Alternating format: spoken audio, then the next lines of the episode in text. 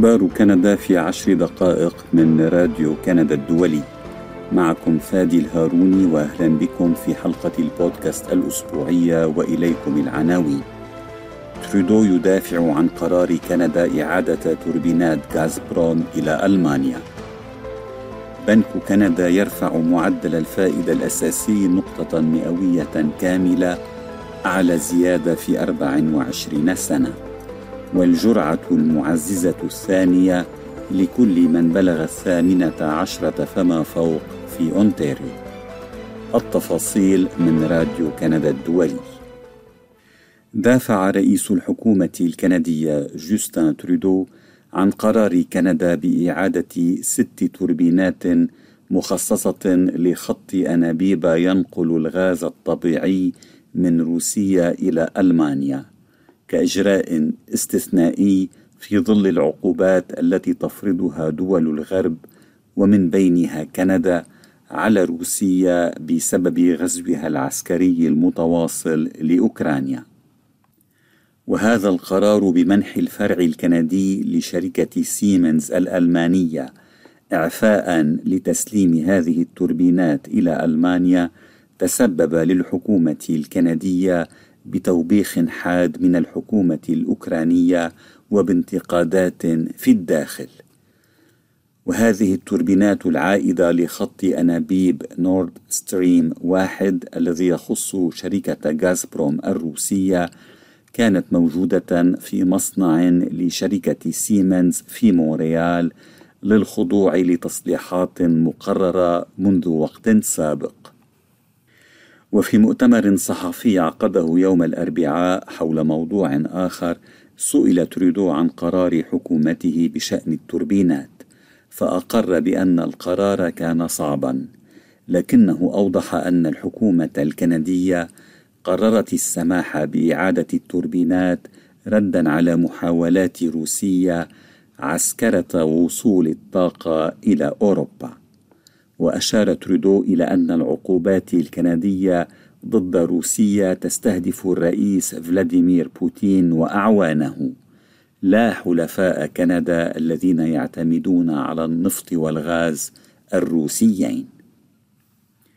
من جانبها قالت الحكومة الأوكرانية أن قرار كندا يشكل سابقة خطيرة تهدد بتعريض العقوبات الاقتصادية التي فرضها الغرب على روسيا للخطر في وقت يتعين فيه على المجتمع الدولي إظهار التصميم والحزم في مواجهة تهديدات روسيا وغزوها لأوكرانيا. وحث المؤتمر العالمي الأوكراني والمؤتمر الكندي الأوكراني الحكومة الكندية على إعادة النظر في قرارها بإعادة التوربينات. ويتطلع المؤتمر العالمي الأوكراني إلى إبطال القرار الكندي لدى المحكمة الفيدرالية في أوتاوا. وهو أصدر بيانا قال فيه إنه قدم إخطارا إلى المحكمة بطلب مراجعة قضائية للقرار.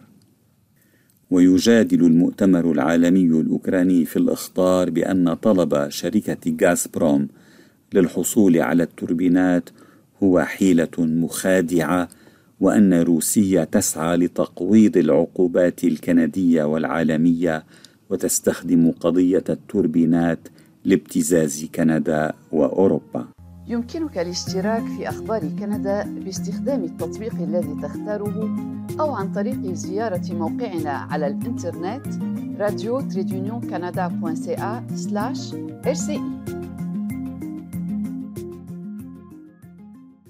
أعلن بنك كندا يوم الأربعاء رفع معدل الفائدة الأساسي لرابع مرة هذه السنة وهذه المرة بمقدار نقطة مئوية كاملة من 1.5% إلى 2.5% وهذه أكبر زيادة على معدل الفائدة الأساسي في كندا منذ آب أغسطس من عام 98 وتدل على أن المصرف المركزي يعتمد نهجا أكثر صرامة مما كان متوقعا في سعيه لكبح جماح تضخم الأسعار.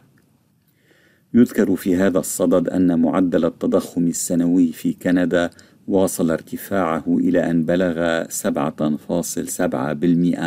في أيار مايو الفائت أعلى مستوى له منذ كانون الثاني يناير من عام 83 وكان معظم خبراء الاقتصاد يتوقعون أن يرفع بنك كندا معدل الفائدة الأساسي بمقدار 0.75 نقطة مئوية بعد أن رفعه في الأول من حزيران يونيو الفائت بمقدار 0.5 نقطة مئوية. التضخم في كندا هو أكثر ارتفاعًا واستدامة مما توقع البنك في تقريره حول السياسة النقدية في نيسان أبريل وسوف يظل على الأرجح حول ثمانية بالمئة في الأشهر المقبلة قال بنك كندا في شرحه حيثيات قراره. كما أشار بنك كندا إلى أن العديد من المصارف المركزية حول العالم تقوم بتشديد سياستها النقدية لمكافحة التضخم. وكما في السابق يعتبر بنك كندا الحرب في أوكرانيا والاضطرابات المستمرة في سلاسل الإمداد بمثابة محركات التضخم الرئيسية لكنه يشير أيضا إلى الضغوط الداخلية على الأسعار والتي تزداد أهمية. يجب أن يتباطأ الطلب كي يستقر العرض ويخف الضغط على الأسعار لخص حاكم بنك كندا تيف ماكلم في مؤتمر صحفي. وتترك الزيادة في معدل الفائدة الأساسي تداعيات على الأفراد والشركات إذ سيتعين عليهم دفع المزيد من الفوائد على قروضهم العقارية والقروض الأخرى. أنت تستمع إلى البودكاست الأسبوعي من راديو كندا الدولي. بات بإمكان جميع سكان أونتاريو البالغين 18 عاما فما فوق الحصول على الجرعة المعززة الثانية من اللقاح المضاد لوباء كوفيد 19 ابتداء من أمس الخميس إذا كانوا قد تلقوا آخر جرعة من اللقاح قبل خمسة أشهر على الأقل أو إذا كانوا قد أصيبوا بالفيروس قبل ثلاثة أشهر على الأقل. فلغاية يوم الأربعاء كان بإمكان سكان أونتاريو الذين بلغوا سن الستين فما فوق بالإضافة إلى الأشخاص المعرضين للخطر بشكل خاص الحصول على هذه الجرعة المعززة الثانية. وكان رئيس الخدمات الطبية في أونتاريو الدكتور كيران مور قد أكد الأسبوع الماضي أن أونتاريو هي في خضم موجة سابعة من تفشي جائحة كوفيد 19 وأن هذه الموجة الجديدة وصلتها قبل أسبوعين أو ثلاثة من ذاك الحين. وكان العديد من الخبراء في مجال الصحة وكذلك أحزاب المعارضه في أونتاريو يحثون منذ عدة أسابيع حكومة المقاطعة برئاسة داغ فورد على توسيع نطاق الأهلية للجرعة المعززة الثانية محاججين بأن ذلك سيساعد في تعزيز مستوى الحماية من المضاعفات المتصلة بالوباء. وفي سياق متصل تستأنف اعتبارا من يوم الثلاثاء المقبل اختبارات كوفيد 19 العشوائية للمسافرين الذين يعتبرون محصنين بالكامل والذين يصلون إلى كندا جوا عبر المطارات الدولية الأربعة الرئيسية وهي مونريال وتورونتو وكالغاري وفانكوفر.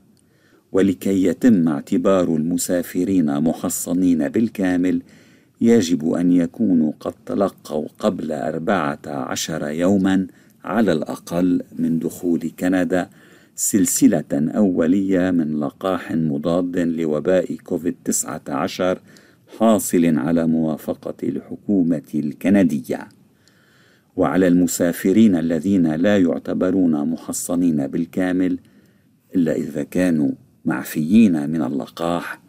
عليهم الاستمرار في الخضوع لاختبار كشف في اليومين الأول والثامن من حجر صحي إلزامي مدته أربعة عشر يوما. وسيتم إجراء كافة اختبارات الكشف عن الإصابة بالوباء للقادمين جوا خارج المطارات. إما شخصيا في مواقع معينة كالمتاجر أو الصيدليات أو خلال موعد افتراضي لاختبار ذاتي. حلقة البودكاست لهذا الأسبوع انتهت. شكرا لإصغائكم.